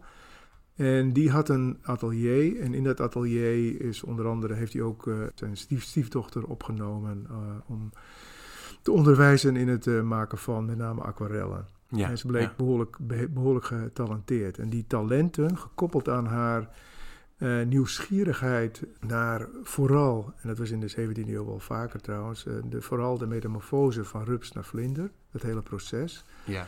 Die combinatie van talenten heeft, heeft haar, eh, zou je kunnen zeggen, groot gemaakt en uiteindelijk ook eh, eh, hele mooie boeken opgeleverd. Want zij heeft, dus ook al, zij heeft ook al in de jeugd een, een, een, een zijderupsje, toch? Dat was een Ja. niet ongebruikelijk huisdiertje ook, Ja, die ja. wel eens werd gehouden. Ja, ja kijk, en, en, en het, het had er ook te maken met het idee, hè, die, die metamorfose, nog steeds een tamelijk raadselachtig proces, maar die metamorfose van de rups naar vlinder eh, was ook een soort metafoor voor het menselijk leven. Hè. Ze- De, de, de rups zijn wij terwijl we op aarde rondlopen. Ja. De kokon eh, zijn wij op het moment dat we in onze kist liggen. En eh, de vlinder is de, eh, onze ziel die opstijgt naar eh, God eigenlijk. Dat, dat, Ja. dat idee. En ze heeft daar haar eh, man, Johanna de Drees Graaf, ook een leerling van Marel, ontmoet. Kreeg op haar achttiende een, een kind, Johanna Helena. En is toen samen met haar man, Johanna de Drees Graaf, naar Nuremberg verhuisd. Ja. In Nuremberg heeft ze haar eerste boek gemaakt. Dus het, het bestond eigenlijk vooral uit ehm, etsen. Eh, met allemaal bloemen. En je, het, Mhm. het heet ook het Bloemenboeg. 1675 is dat. En eh, dat wa- waren eigenlijk voorbeelden voor vrouwen uit de rijkere stand om borduurwerk te maken. Oh, natuurlijk. Daar, daar- daar zijn, er zijn, op Ja. dat, er zijn er maar heel weinig exemplaren van over. Dus er zijn nog vijf eh, volledige exemplaren van dat bloemenboeg bekend. Eh, Met die prachtige gierlanden op de voorkant, Precies, toch? Ja, ja, ja, dat van de moer bij, volgens mij, toch? Of is ja, maar dat heeft ze, die- ze heeft die guirlandes heeft ze ook eh, bij haar volgende publicatie gemaakt. Oh, ja, dat ja. was haar eh Rupsenboek, Raup en Wonderbare Verwandlung. Dat is gemaakt in 1679, eerste deel. Waarin ze eh, 50 ehm, eh, metamorfoses beschrijft. En ze schrijft al op de, op de titelpagina, ze zegt, durch eine ganz neue Erfindung. En eh, daarmee doelde ze op het feit dat zij niet alleen eh, de, het, insect hè, afbeeldt, maar ook eh, de voedselplant van het insect. Ja, En ze was zich bewust van het feit dat dat nieuw was. Die manier niet van presenteren dan. en beschrijven. Ja. Nee, ze wordt ook beschouwd, we beschouwd als de eerste ecoloog. De eerste die het, dat leven in een samenhang brengt en toont en beschrijft. Want als je bijvoorbeeld platen van die Marel ziet, dan zie je wel eens, of eh, wat al gebruikelijk is in die tijd, dat je van die bloemboeketten hebt. Ehm, en daar doet men dan ook van alles en nog wat aan insecten Ja. en zo op afbeelden. Dus dan heb je een, van de spinnetje of zo, wat dan Ja. van, die, van het blad glijdt. Of, of, of een bij of een wat ook of zo. Dus het was ergens al gebruikelijk om wel bijvoorbeeld iets van het insectenleven te laten terugkomen. Iets van die stilleven van planten. Maar wat zij eigenlijk doet, is dat eigenlijk verwetenschappelijke door te zeggen, nou ja, er is ook, het is ook zo dat Ja. bepaalde insecten, of in dit geval dan rupsen en, en vlinders, samenhangen met bepaalde waardplanten. Ja. Planten die, die ze gebruiken voor hun voeding. Ja. En die zijn vaak heel erg specifiek. Ja. En dat gaat ze dan eigenlijk afbeelden. afbeelden en, en eh, vrij eh, uitgebreid beschrijven in die eerste eh, twee delen. Dus in 1679 en 1683 verschijnt het tweede deel. In totaal zijn het 100 eh, eh, beschrijvingen, inclusief afbeeldingen. Ehm, en behoorlijk gedetailleerd. En eh, er is net eh, dit jaar een boek verschenen van Kay Etheridge. ehm, waarin eh, ze die twee boeken vanuit het moderne gezichtspunt weer helemaal analyseert. En er zit ook een hele goede, nu een hele goede Engelstalige vertaling bij. Want ze Eh, moest dus al die, ze moest al die rupsen moest ze eigenlijk houden. Enorm, enorm geduld. eh, gehad. ze heeft ze eerst moeten zoeken. Ze is eerst de, de natuur in gegaan om ze, dat beschrijft ze dus ook, om die rupsen te zoeken. En nam dan altijd eh, de plant bij mee waar ze die, rups op vond. Want ja, die rups die moet je opkweken totdat ze gaan verpoppen. Eh, en dat kun je niet doen met een willekeurige plant. Vandaar dus dat ze eh, dat hele proces, het is een behoorlijk tijdrovend, ingewikkeld proces. Het lukt dan ook niet altijd. En dat beschrijft ze ook. Ehm, Er zit hele aardige dingen in ook over dat ze op een gegeven moment ook sluipwespen en zo. Dat ze, Ja. daar, dat ze daarop stuit. Dat dan eh, Ja, een kokon komt niet meer een vlinder uit. Eh, Nee, da- dat is inderdaad een. d- daar kon ze niet helemaal onderuit natuurlijk. Want er zijn parasieten die zich nestelen, of althans die eitjes leggen in zo'n kokon. Maar dat zie je dan niet. Maar je ziet wel als die kokon uitkomt dat er niet alleen een vlinder uitkomt, maar ook soms een. Eh, eh, Of geen eens een vlinder, maar gewoon een... eh, ja, ja, Ja, Of ze- zelfs helemaal geen vlinder, maar inderdaad een. Een soort sluipwesp of Ja. of zo. Ja, Ja. dus dat, dat, dat, heeft, dat, dat heeft ze volgens mij een aantal keer ook niet echt. Maar ze neemt ze gewoon op. Ze neemt ze mee in de, in de beschrijving. Nou goed, eh, eh, eh, ja, maar op, een gegeven, op een gegeven moment gaat ze, gaat ze weer terug naar, van Nuremberg gaat ze weer terug naar Frankfurt. Mhm. dan, gaat ze haar- dan is Jacob Marel dood en dan gaat ze haar moeder bijstaan. En vanuit Frankfurt gaat ze dan naar Viewert. En Viewert is een klein plaatsje in de buurt van Sneek. Ja. En daar zat een eh Labbadistengemeenschap. We kennen Viewert trouwens ook al vanwege die kerk met die mummies. Maar eh, er zat een Labbadistengemeenschap Van, eh, eh, op slot Jean de. Labadie. eh, Jean de Labadie, dat was hem. Die was er trouwens zelf niet meer bij, die was Een soort secteleider, moet Ja. eigenlijk toch zeggen? ja, net, als- net als Antoinette Bourignon. Je had natuurlijk heel veel van dat soort mensen in die, in die Zeker, periode. ja. Die, die claimden rechtstreeks met God te kunnen spreken ook. En eigenlijk, de Labadisten was eigenlijk een, een, een, een, een groep gelovigen die de ambitie hadden om te leven zoals de eerste christenen leefden. En, en ook eh, Zonder bezitting. eh, zonder bezittingen. Ja. Precies, de bezittingen moesten ook worden achtergelaten.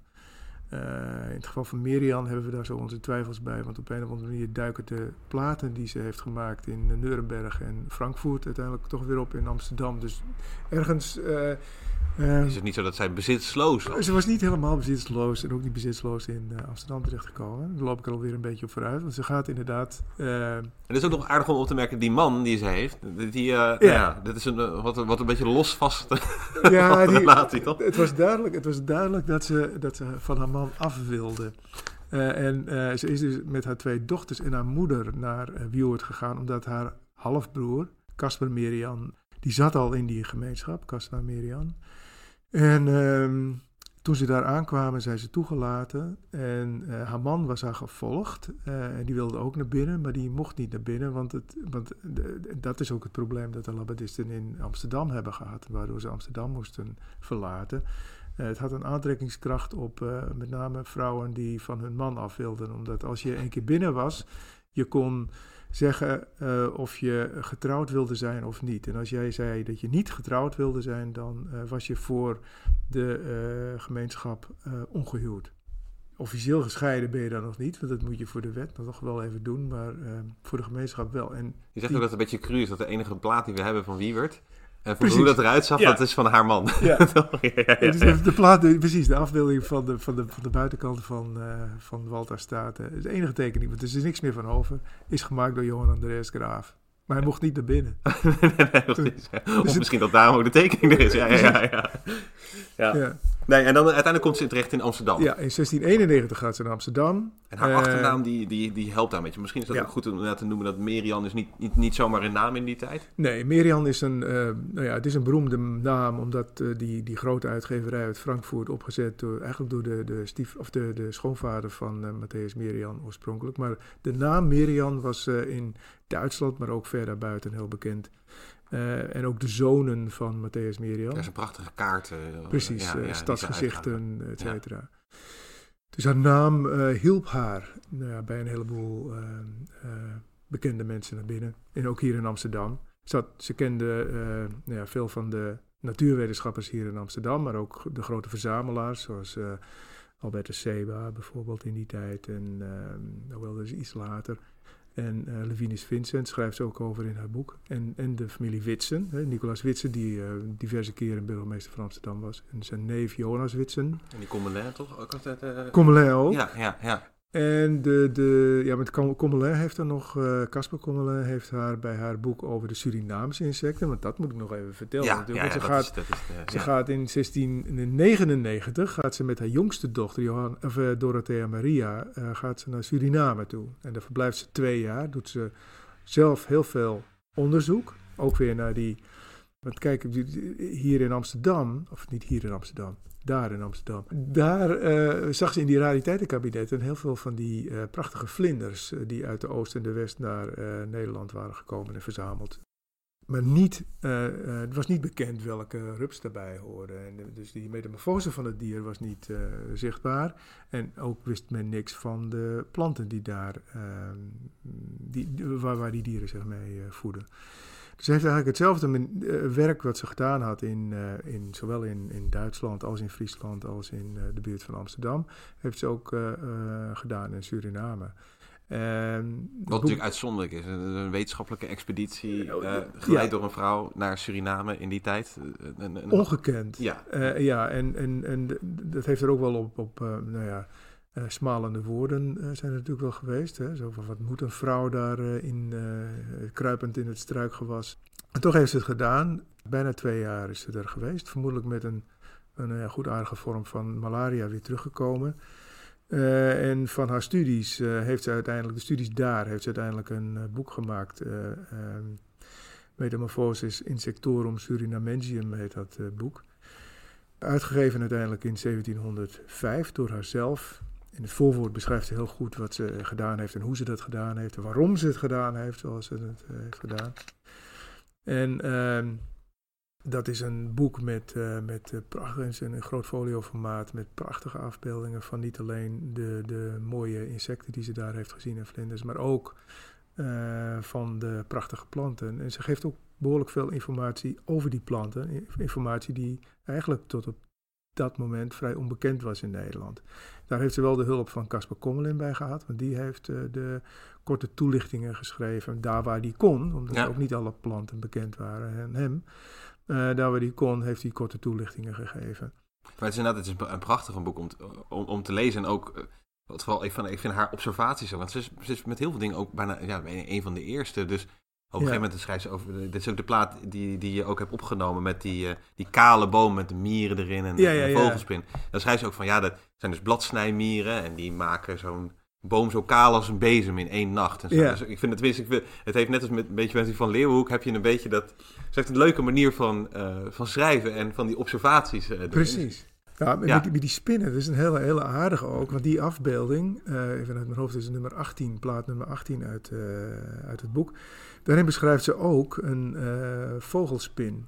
Ja. En het feit dat wij nu dat dier, een, er zijn inmiddels 900 verschillende soorten van geloof ik, maar dat dier een vogelspin noemen, komt door die plaat. Omdat op die plaat uh, uh, die spin een kolibrie verorbert. En dat nam niemand serieus. Niemand geloofde dat. Het was ook echt in de tijd waarin iedereen ervan overtuigd was dat elke spin een web maakt. En dat, dat, dat je dus spinnen had zoals een vogelspin die dat niet doet, die inderdaad zijn, zijn prooien bespringt, was totaal onbekend en het werd dus absoluut niet geloofd. En het is meer dan 150 jaar later dat uh, Henry Walter Bates, uh, door hetzelfde gebied reizend, ja, ja. Uh, in zijn boek nadrukkelijk deze afbeelding van Miriam aanhaalt en met zoveel woorden zegt van Miriam had toch gelijk, want hij had het ook gezien. En nu, zijn, nu, nu voeden, en dat beschrijft ze ook, die spinnen voeden zich meestal gewoon met andere insecten. Maar heel soms komt het voor dat ze uh, vogeltjes... Ja, en ja, dat, en ja. dat is dus ook zo. Dat doen ze dus ook, heel soms. Ja, dat is geweldig, hè? Ja, tenminste, want het is er inderdaad ook wel belachelijk voor gemaakt. Maar die Bates laat inderdaad heel aardig zien dat dat... eh, volgens mij beschrijft Bates ook dat er kinderen zijn in de Amazone die het ook als huisdier... eh die ja, vogelspinnen ja. als huisdier hebben aan, aan, een soort lijntje. Zoals wij hondjes hebben. Ja, dat is toch een beetje anders, maar ja, ja. Nee, maar je ziet dus eigenlijk, want je, net, net, net zei je al even van, er zijn mensen die haar noemen, en toen haperde je ook even van, er zijn mensen die noemen haar een eerste ecoloog. Maar dat is, is enerzijds een beetje eh, eh, anachronistisch om te zeggen. tuurlijk. Ja. En, en, anderzijds, maar het anderzijds ook, ook, weer- ook weer niet. Je, zegt, je beschrijft dat ook wel mooi in je boek inderdaad. Van op een bepaalde manier is het gek om haar ecoloog te noemen, want dat woord bestaat gewoon nog niet. En Nee, bestaat pas vanaf, volgens mij Heckel is Haeckel, degene ja, die, die ze het de- munt. ja. Maar op een bepaalde manier laat ze natuurlijk wel inderdaad eh, die verwevenheid inderdaad zien van, van plantenrijk en, en, en, en insectenrijk eigenlijk. Ja. Ja. Ja, de, de, de, man die misschien de, de, de titel eerste ecoloog beste, eh, bij, het beste bij hem past, is eh, eh, van Humboldt natuurlijk. Ja, Die, dat, die, die, die, die die samenhang van de natuur nog veel beter beschrijft. Ja, ja. Ja, en eigenlijk Ja. wat Miriam inderdaad doet ten aanzien van de, de, de, de, de, de, rupsen, vlindersoorten en, en, en, en- de planten, hoe die zich tot elkaar verhouden, doet hij eigenlijk ten aanzien van eigenlijk die hele natuur. ja, en, en te begrijpen als een soort van één één- Ja. één grote, één grote samenhang. En eh, je noemde net al even eh, van Humboldt, eh, Alexander van Humboldt. En die, die een groot voorbeeld was voor de persoon waar we misschien eigenlijk mee moeten afsluiten. Althans, jij stelde dat ook voor in het voorgesprek om af te sluiten met Charles Darwin. Ja, Ehm, en je begint dan je stuk eigenlijk over Darwin. Begin je, begin je ehm, met een beetje een onvertuinlijk moment. Namelijk het moment dat Darwin een brief krijgt uit Ternate. ja. Hij krijgt een brief van eh, eh, Alfred Russel Wallace, met wie hij op dat moment al een levendige correspondentie voerde. En Wallace die was in eh Ternate om, om nou ja, veel onderzoek te doen, veel te verzamelen vooral Mhm. ook. En, en ook te verkopen, want die moest ook op die manier in zijn levensonderhoud voorzien. Maar die, heeft, ehm, ehm, die, die stuurde hem een brief waarin die eigenlijk, zou je kunnen zeggen, de kern van de theorie van evolutie op basis van natuurlijke selectie beschrijft. En Darwin was daar behoorlijk door ontdaan. Hij schrijft zelfs aan Lyell, met wie hij dan, eh, George, of, ehm, eh, Charles Lyell, met wie hij dan op dat moment eh, eh, correspondeert. Eh, van het is net alsof eh, eh, Wallace hier een hele goede samenvatting geeft van mijn nooit gepubliceerde arti- artikel uit het begin van de jaren 40. Darwin is al meer dan twintig jaar bezig met het uitwerken van zijn, eh, van zijn ideeën en ziet nu eh, eh, een, een jong kerel als eh, Alfred Russel Wallace er met zijn... eh, Met Ja. buiten doorgaan, Met- toch? met de Gas voor de voeten wegmaken. Ja, ja, ja. dus hij, hij had de neiging om helemaal te stoppen, maar eh, Lyell heeft hem kunnen overhalen om dan toch maar eens haast te gaan maken met zijn werk. En eh, toen is besloten, en dat is echt in een hele korte periode gedaan, En want hij kreeg volgens mij die brief binnen, even uit mijn hoofd nu, uh, halverwege juni van dat jaar en eind juni of begin juli ja, van hetzelfde jaar. Ja, ja, ja, ja, Ja, van hetzelfde jaar. Uh, uh, 1858 zitten we dan. Hadden we dat, 1858, ja, ja, 1858. Dan wordt op de, bij de Linnean Society een, een, de beide essays van, van Darwin en van Wallace voorgelezen. Zonder, zonder Wallace goedkeuring trouwens ook. Zonder, Wallace wist van niks. Nee. Ja, die kon in de tussentijd niet even corresponderen. Dat, ah, dat helemaal, zat, ja, ja, Joseph Hooker en Lyle die orchestreren dat eigenlijk gewoon helemaal. Ja. Ja. En Darwin kan niet eens aanwezig zijn uh, die nee, dag. Nee, nee, zijn zoontje overlijdt, of vlak ervoor overleden. Die wordt uh, begraven precies op dat moment. Ja. Ja. En,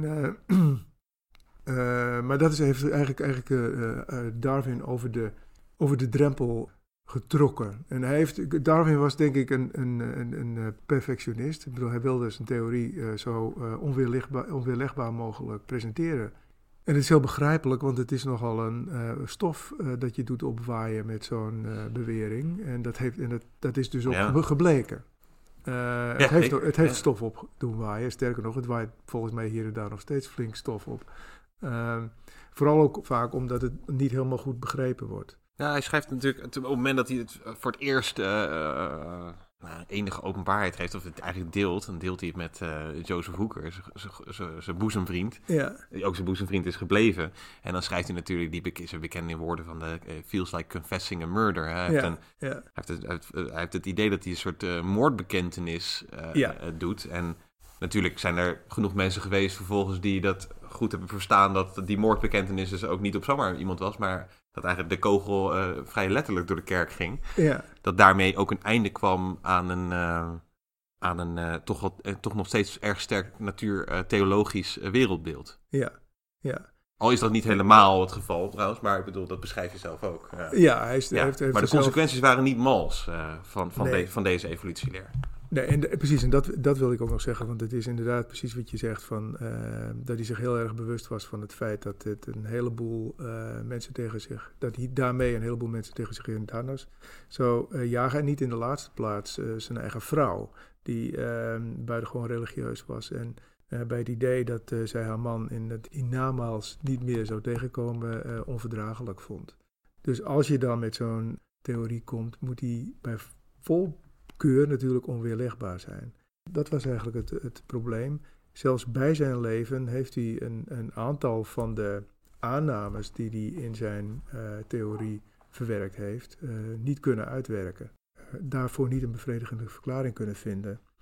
Uh, ja, je, noemt, je noemt daar bijvoorbeeld, een mooi voorbeeld dat je daarvan geeft, is bijvoorbeeld de geologische tijd. ja. De tijd die eigenlijk nodig was om überhaupt deze evolutieleer, of de, dus, laten we zeggen, de veelheid van soorten te verklaren, ja. vanuit eenvoudige, een, een eenvoudige, enkelvoudige oorsprong, ja. daar was wel een hele hoop tijd voor nodig. En die was hem eigenlijk niet gegeven nog. Nee, nee. Nee, zelfs Lord Kelvin, ook een van zijn grote bestrijders trouwens, die, eh, die van het absolute nulpunt, die uh, komt tot een, tot een leeftijd van de aarde van niet langer, niet groter dan uh, 400 miljoen jaar. Dat is natuurlijk flink wat, maar als je, uh, er was al, inmiddels al flink wat bekend over de fossiele gegevens in de, in de aarde, waarin je ook zag dat er, nou ja, met Cuvier te spreken, flink wat van die catastrofen zijn geweest, van waaruit op een gegeven moment alles weer nou ja, min of meer opnieuw op aarde wordt gezet, volgens Cuvier dan. Hè? Ik bedoel, ja, Cuvier, ja, die, ja. Um, en als je dat meeneemt in het idee, en het idee hebt van dat de aarde niet, niet ouder is dan 400 miljoen jaar, dan wordt het heel lastig om al, al die uh, uh, soorten in hun uh, diversiteiten te kunnen verklaren. Ja, ja. En, en, goed, dit heeft Darwin, die in 1882 is overleden, niet meer mogen meemaken dat Becquerel in 1896, eigenlijk min of meer bij toeval, radioactiviteit ontdekt.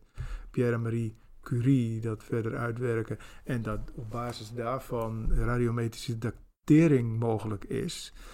Waarmee we nu dus weten dat uh, de aarde 4,5 miljard jaar oud is en leven op aarde uh, ongeveer 3,8 miljard jaar.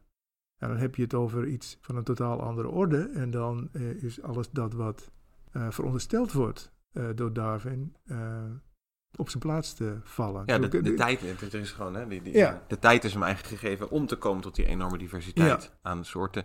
Via hele kleine stappen, want dat beschrijf je ook. Hè, dat vergeten mensen nog wel eens dat de origin of species eh, by means of natural selection begint eigenlijk helemaal niet met natural selection, maar begint met artificial selection. Ja, precies. Ja, Eh, en dan gaat hij heel lang praten, eh, Ja. vervolgens over planten en dieren, die via kunstmatige selectie zijn veranderd. Wat is, waarom, is dat, waarom is dat zo van belang? Of waarom, waarom, waarom begint hij daar? Het lijkt mij dat hij dat doet om eh, ehm, eh, mensen duidelijk te maken dat het kan. En dat, het, dat we sterker nog, dat we het er gewoon al heel lang doen. En dit, deze doelbewuste verandering van soorten. Hè, ik bedoel, denk dan aan eh, het fokken van hondenrassen bijvoorbeeld, om eens wat te noemen. Die, waarvan de ene nou ja, eigenschappen, dus erfelijke eigenschappen, worden, worden bij de ene hond eh, sterker gemaakt en bij de andere hond minder sterk. Denk aan waakhonden of denk aan honden die je gebruikt voor de jacht. eh, eigenschappen Ja. eh, die belangrijk zijn voor het doel wat het dier, eh, ehm, eh, waarvan jij vindt dat het dier moet hebben. Waardoor ze nog wel verschillen van hun gemeenschappelijke bedoel- Zo erg dat als een biologisch in het wild zou tegenkomen, zou je toch een Duitse herder en een chihuahua je niet meer als, ze als een broers en zussen van elkaar. Of denk aan het Deense dog, precies. Ja, ja, ja, precies. Ja, de- om daar nog een wolf, of althans de deze dog misschien nog wel, maar in het Chihuahua nog een wolf te ontdekken, is toch ook nog een, een, eh, truc. ja, knap kunstje, ja. ja, ja. Ja, en wat Darwin dan, dan duidelijk maakt, dat dat, eh, dat, eh, dat ook plaatsvindt, omdat bi- binnen populaties heb je allerlei dieren met eh, eh, genetische verschillen. En nou ja, eigenlijk is het het verhaal, hè, ik bedoel, op basis van natuurlijke selectie betekent eigenlijk dat eigenschappen die het eh, eh, best geschikt zijn in een dier om in een bepaalde omgeving eh, te leven, Mhm. dat die versterkt worden. En dat het uiteindelijk kan leiden tot, een, tot het ontstaan van een nieuwe soort. Ja. Eh, dus het gaat ook om, eh, als je het hebt over survival and of the fittest, eh, overigens niet eh, gemunt door ehm, Darwin, maar door Spencer. Maar, ja, ja, Herbert hem- Spencer inderdaad. maar hij heeft hem Hij overgenomen. heeft hem overgenomen. ja, ja, ja. ja. Maar wordt vaak het- verkeerd gelezen natuurlijk inderdaad. Hè, als De- precies, van de sterkste of zo. Ja, ja. nou ja, sociaal Darwinisme is daar Ja, een, een, een, gevolg van natuurlijk. Terwijl Darwin dat nooit zo heeft bedoeld. Daar gaat het echt om de, de soort die het best is, of althans het individu dat het best is aangepast eh, voor die specifieke leefomstandigheid. Het, eh, Ja, je geeft dan het schoolvoorbeeld ook van, van, de de, beer. ijsbeer. Ja. Ja. Ja, hoe de bruine beer uiteindelijk zijn witte vacht krijgt. Die, witte, uit die ijsbeer is natuurlijk niet per se sterker daarmee met die witte vacht. nee, nee. maar het is, nee. hij past beter bij het poolklimaat ja, ik dan bedoel, die bruine beer. als je als Ja. bruine beer in een, in een poolklimaat terechtkomt, dan eh, wordt het lastig om eh, voedsel te vinden. Ja, ja, ja, precies. Ja. Ja, Dus er zijn dit soort kleine variaties, maar eigenlijk wijs je daarmee ook tegelijkertijd op nog wederom eigenlijk een heel groot gat in de evolutieleer. Ook een van de redenen waarom die, ondanks perfectionisme, niet goed genoeg wist dicht te timmeren. Dat ook die hele erfelijkheid. ja. Dus niet alleen had hij eigenlijk die geologische tijd niet om te komen tot die enorme diversiteit aan soorten, maar hij had ook nog eens een keer eigenlijk geen erfelijkheidsleer om, om uit te leggen, oké, hoe komt het, dan, komt het dan tot die variatie en hoe kan die variatie zich dan vervolgens tot, door een populatie verspreiden? Ja, ja dat is ook een eh, op zich wel bijzonder verhaal. Eh, een van de, van de gastmedewerkers van, eh, van de Artisbibliotheek, dus Erik Zevenhuizen. En die is eh, gepromoveerd op het leven van Hugo de Vries. En Hugo de Vries was een botanicus in Amsterdam, hoogleraar botanie. En hij was ook directeur van de Botanische Tuin. En die heeft, dus Erik de Zevenhuizen, toen hij bezig was met zijn onderzoek, is hij op een gegeven moment naar een nazaat van Hugo de Vries gegaan, Reinoud de Vries. En dan mocht hij op de zolder rondkijken of er nog wat las- eh, lag wat hij kon gebruiken. En dan vond hij in een hutkoffer, een echte hutkoffer, hè, met gewoon van hout en zo. eh, vond hij een eh, stapel, onder andere, er vond nog meer, maar er onder andere een stapel brieven. En die stapel brieven, die bleken, dat bleken brieven te zijn van Charles Darwin aan Hugo de Vries. We wisten wel dat Hugo de Vries bij Darwin op visite was geweest en dat ze correspondeerden. Maar deze brieven waren onbekend. Het heeft zelfs eh, de landelijke kranten gehaald toen. Eh, Ja, deze, de voorpagina van de landelijke kranten zelfs eh, destijds. Is ook wel een fonds natuurlijk. het is een hele mooie Dus fonds. Even in Ja. dit koffer nog wel Ja. Darwinbrieven. Ja, het allerleukste, het, het allerleukste, de allerleukste brief die erin zit, is een brief die hij eh, schreef, die Darwin schreef aan de Vries als een antwoord op een voorstel van de Vries om te gaan werken aan de evolutietheorie, of eh, aan de, aan de Erfelijkheidsleer. En ehm, eh, hij krijgt als het ware van Darwin krijgt hij de zegen om daaraan te gaan werken. En hij vindt het zelf, Darwin, dan zelf jammer dat hij er niet aan mee uh, kon doen, omdat hij zich niet fit genoeg voelde. En de brief die hij geschreven heeft, schreef hij dus ook, die brief dateert ook van een half jaar voordat hij overleed. Ja, was op zijn oude dag. Ja. Op zijn oude dag. En het, en het bijzondere van het hele verhaal, nu maak ik het even heel kort, maar het bijzondere van het hele verhaal is dat Hugo de Vries uiteindelijk de man is geweest die de evolutietheorie heeft verrijkt met de wetten van Mendel. Ja. Gregor Mendel had al als Augustijn uh, publicerend en uh, wonend in uh, Brno, in de buurt daarvan. Ja, ja. Werkend in de kloostertuin. In de kloostertuin. Met een enorm veld aan uh, ja, dan weet je, weet, ja, ja, weet je, dan weet je meer van. Ik, ik, heb, ik heb me ooit eens een keer. Nou, Gregor Mendel had het dus al uh, beschreven in 1866. De Vries wist dat niet en eigenlijk niemand die met het onderwerp bezig was. En toen kreeg hij van De Vries kreeg toen een uh, overdrukje van uh, Marinus Beijering, volgens mij, een, een collega van hem, van dat artikel van Mendel.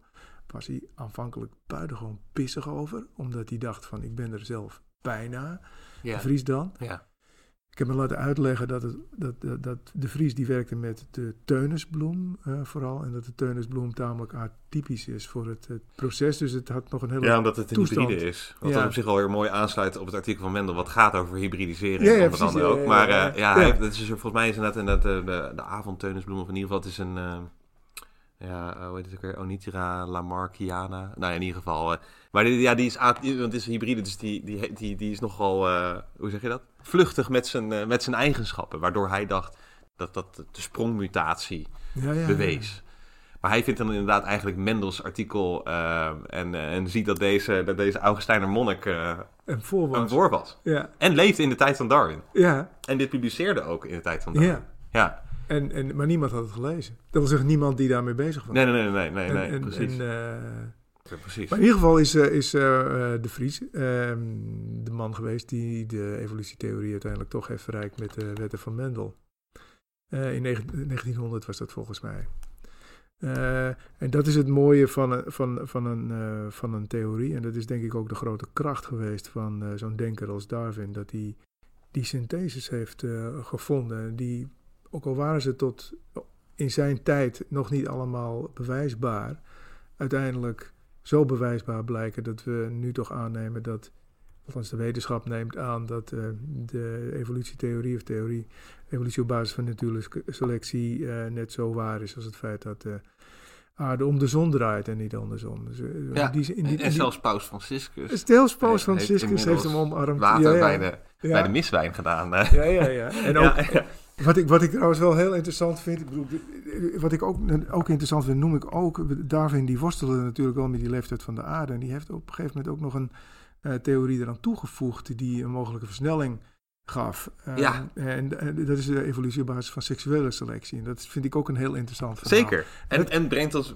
ook met een prachtige mooie boog terug... helemaal naar het begin van het gesprek toen we begonnen over de paradijsvogels. Uh, ja, ja, ja. dat is, dat, ja, nee, zeker. Inderdaad, ja. seksuele selectie. Dus hij heeft dan dat idee van natuurlijke selectie. En Wallace heeft dus ook het idee van natuurlijke selectie. Ja. Um, en dan Wallace moest niks weten van seksuele selectie trouwens. Die, die geloofde niet in dat. Uh, nee, hè? Nee. Terwijl hij die paradijsvogels zelf heeft bejaagd. Ja. Dat is zo vreemd, hè? Ja. En hij schrijft op, op een bepaalde manier ook wel van... Hè, want op een gegeven moment heeft Wallace dan soort kritiek van... dus bijvoorbeeld als je nog een Bishop Paley hebt, die zegt dan ook van... Uh, een, een, een bloem heeft verder niet echt een betekenis. Is eigenlijk alleen maar in de schepping geplaatst voor, voor ons mensen. Ja. Om een soort uh, om esthetisch ja. te waarderen, om, uh, om van te genieten. En dan zegt hij van, ja, maar waarom heeft God dan een goudkleurige kever diep in de, in de bossen van Borneo uh, gestopt? Want ja. daar, daar was helemaal geen oog om daarnaar te kijken. Ja. dus dat, uh, maar het is ergens inderdaad opmerkelijk dat hij wil van die seksuele selectie niks weten. Maar wat is, ja, wat is seksuele selectie? Wat houdt het in? Ja. Dat is misschien wel goed om nog even te be belichten. Uh, ja, je, je, kan, je, kan het, je kan het zien als, als dat, dat binnen een soort... Ehm, er een keuze wordt gemaakt. En het zijn meestal de vrouwtjes, in de meeste gevallen zijn het de vrouwtjes die de keuze maken voor een mannetje. Uh, en die kiezen dan een mannetje op basis van de eigenschappen en bijvoorbeeld bewezen fitheid, met wie ze hun nakomelingen willen maken. Dat betekent dat je dus de, de, de eigenschappen waar het vrouwtje de voorkeur aan geeft, versterkt. Ja. En, en, da en, en dat, dat kan dus dan sneller gaan. Het is echt een specifieke selectie uh, op dat moment. En het is eigenlijk een beetje zoals die kunstmatige selectie. Ja. Ja. Het is niet helemaal doelbewust in de zin van je, je fokt die koe om een grotere uier te krijgen of zo, of grotere billen voor die, voor die biefstuk. Maar er zit natuurlijk wel een soort gerichtheid Ja, in, ehm, in de selectiekeuze. Of in de Ja. soort teeltkeuze. ja, Ja, ja, ja, dus eigenlijk heeft het een soort van gekke, een soort, eh, ja, bij de soort- net met kunstmatige selectie. Dus ja, want er wordt dus inderdaad door vrouwen dan geselecteerd op bepaalde kwaliteiten. ja, En dan weet daar nog natuurlijk nog niet helemaal dat die kwaliteiten mogelijk ook een soort van fitness indicators zijn. Of een soort indica- indicatoren zijn van hoe, eh, hoe gezond het dier is. Maar vooral dat het een soort van esthetische waardering is. ja, ja. Eigenlijk bij de vrouwen van die, eh, van die soorten. Ja. En het speelt zich natuurlijk vooral af bij de soorten waarin heel duidelijk verschil is tussen, eh, Ja. tussen uiterlijke kenmerken van mannen en vrouwen. Maar bij, bij zwanen, die, waar de mannetjes en de vrouwtjes heel veel op elkaar lijken, is dat niet zo. En vermoedelijk heeft dat te maken met het feit dat ehm, eh, op het moment dat die verschillen minder groot zijn, eh, heeft te maken met de, de, de rol van het eh, mannetje bij de opvoeding of uitbroeden van De ouderlijke investering. Ja, Ja. ja, ja. Dus ook dat is wel interessant om, om mee te nemen. Dus ik- hoe dat bij mensen geldt, vind ik ook altijd wel interessant. Als je dat meeneemt, die seksuele selectie. Dus ik, eh, Zeker weten. ja. eh, ja, maar wij- mannen denken vaak dat wij, wij zelf de keuze maken. Maar de kans bestaat toch echt heel erg... eh, de kans is heel groot dat we Dat toch niet gekozen, gekozen worden, Ja, Robert. Ja, ja, ja, ja, ja. En, en ik bedoel, dat is in de tijd van Darwin is dat ook al een, eh, een, een heikel punt Ja, voor de mensen. Want ehm, niet alleen waren het dan dus de vrouwen die... Want Darwin nam natuurlijk eigenlijk de mens... Dat schrijf je trouwens ook. Dat het is een van de grote redenen waarom het zo ontzettend veel stof deed opwaaien. Omdat Ja. de, Darwin natuurlijk de mens niet buitensloot van dat proces van evolutie. Nee, En de mens ook niet buitensloot van het proces van seksuele selectie. En eh, dat hij niet alleen dus daarmee zei dat de menselijke vrouw inderdaad eh, degene was eigenlijk die eh, de man beoordeelde. Maar ook nog eens een keer dat eigenlijk alle vrouwtjes, of nee, nee, dat in ieder geval van heel veel soorten waarin waar jij zegt van die, die seksuele dimorfie zo groot is. Dat er dus heel veel ook kevervrouwtjes zijn en paradijsvogelvrouwtjes die eveneens over esthetische eh, beoordelingsmechanismes beschikken om mannetjes te kiezen voor hun als partner. ja, Ja. Ja. Ja, nee, ik, ik vind bijvoorbeeld ook dat bijvoorbeeld prieelvogels of zo. ja, geweldig. Als je prieelvogels ziet en je vergelijkt het bijvoorbeeld met een programma wat inmiddels niet meer draait, want je vroeger had je MTV Cribs. Eh, dat was dan, eh, dan ging je bij zo'n soort popster langs en die had dan eh, vier auto's staan en Oh, zo- ja, ja, ja, zo'n ja. veel te opulent huis dus met, met veel te veel goud bekleed. En, hè, dat was dan dat was een en al een soort uit, uitstalling van rijkdom. Ja. Dat is natuurlijk helemaal niet zo heel erg gek veel anders dan wat dat prieelvogeltje aan het doen Nee, is. nee. Die zo'n heel prieel bouwt en versiert en het dan gewoon mooie dingetjes en zo opdirkt. Zo, en dan komt zo'n vrouwtje langs die denkt, nou ja, net niet of zo. Nou, niet mooi genoeg. Ja, Ja. Nee, dus inderdaad, ik denk dat de consequenties daarvan, eh, die, zijn, eh, die zijn behoorlijk. ja, En bij die paradijsvogels leidt het dus tot, die- nou ja, die prachtige prenten. Ik vind het heel mooi. Je hebt in, in, het boek redelijk wat eh, terug laten komen van, ik denk toch wel ook een van jouw favoriete kunstenaars, John Gould. Ja, ja, ja, dat is, dat is fantastisch. hoewel Gould natuurlijk die, die afbeeldingen die zelf heeft gemaakt, die heeft ook in eerste instantie zijn, zijn vrouw voor gehad, Elizabeth Coxton. Oh, die heeft, ja, eh, die ja. heeft de meeste van die afbeeldingen gemaakt eh, bij die eerste twee boeken. Die is tot 1841, moet ik erbij zeggen. Toen is ze overleden. En daarna heeft hij eh, gebruik gemaakt van eh, behoorlijk gerenommeerde kunstenaars, eh, als Jozef Wolf bijvoorbeeld. En Ah, Gould, ja, Gould ja. is een le- leeft, of een tijdgenoot, ja, leeftijdsgenoot van Charles Darwin, die ehm, enorm veel series heeft gemaakt over eh, vogels. Hè. De Birds of, het begint geloof ik met de Birds of the Himalaya. En dan de Birds of Europe, de Birds of Great Britain, de Birds of... Australia is Eh, Australia, is, ja, de Birds of Australia. Het bestaat uit zeven delen, acht eigenlijk. Er is nog een supplement aan eh, toegevoegd. En die van Australia, die zijn gemaakt tussen 1840 en 1848. En dat is eigenlijk het enige boek waar hij eh, zelf flink... ehm, eh, want hij is naar Australië geweest en daar Mhm. heeft hij zelf heel veel van die vogels gevangen. En gevangen is eigenlijk eh, doodgemaakt. Ja. Ehm, maar die, Gould past, past overigens dezelfde techniek toe als Merian. Gewoon een hele mooie grote plaat. Het zijn ook allemaal grote boeken. Een mooie grote plaat met, met dieren die niet alleen lijken te leven. Hè? Ik bedoel, het zijn niet statisch opgezette vogeltjes die je verbeeld ziet. Maar het zijn boek, of, vogels die je ja, als het ware ziet vliegen. In de buurt van hun voedselplant. En dat wordt ook beschreven in de, in de, in de toelichtende brief. Die, eh, of de toelichtende tekst. Soms is het een brief, soms is het een eh, gewone tekst. eh, die hij zelf heeft gemaakt. Die ehm, op dezelfde manier positioneert als Miriam dat heeft gedaan. Dus tegenover het plaat, tekst tegenover plaat. En dan zie je trouwens ook heel mooi, die, uh, dat is natuurlijk voor de luisteraar niet te zien, maar dan zie je ook heel mooi die seksuele dimorfie en daartussen ook die uh, paradijsvals, waar je net het een beetje dat koffiebruine vrouwtje met dus een, een, zeer, zeer, zeer kritisch oog ja. en, die, en dat hele parmantig uitgedoste uh, mannetje. Ja, ja. ja, en die laat hij dan, zo'n mannetje laat hij dan zo op, die, op dat voorblad, zie je dat ook, dat hij aan de, zie je, hij toont hem aan de onderkant en aan de uh, kijk, het toont het zo, ja, het is zo gepositioneerd dat je de, de borstsfeer ja. en, en de... En de en, ja. Maar in dit geval heb je dan mazzel. Veel van de kolibries die hij bijvoorbeeld uh, toegezonden krijgt, dat blijft dan in Londen. En die kolibries over de hele wereld, die worden dan uh, door onderzoekers naar hem toegestuurd in Londen. Met een beschrijving erbij. Bij. Dat is dan de brief die hij erbij publiceert.